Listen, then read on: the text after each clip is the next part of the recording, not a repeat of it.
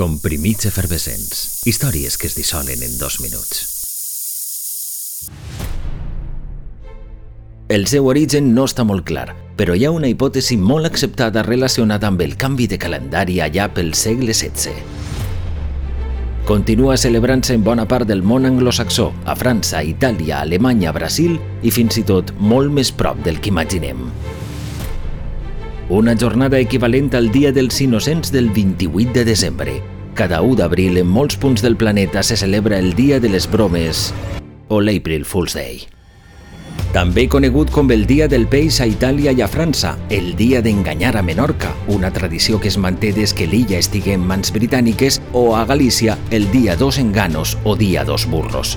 Tot arranca segons la teoria més acceptada amb la implantació del calendari gregorià, que decretava que l'any nou se celebraria l'1 de gener.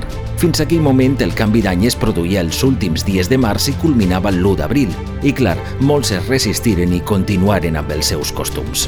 Una actitud que no seria ben rebuda pels qui s'aveniren ràpidament al canvi que tractaríem de bobos i destarifats, fulls en definitiva, els que mantenien les antigues tradicions.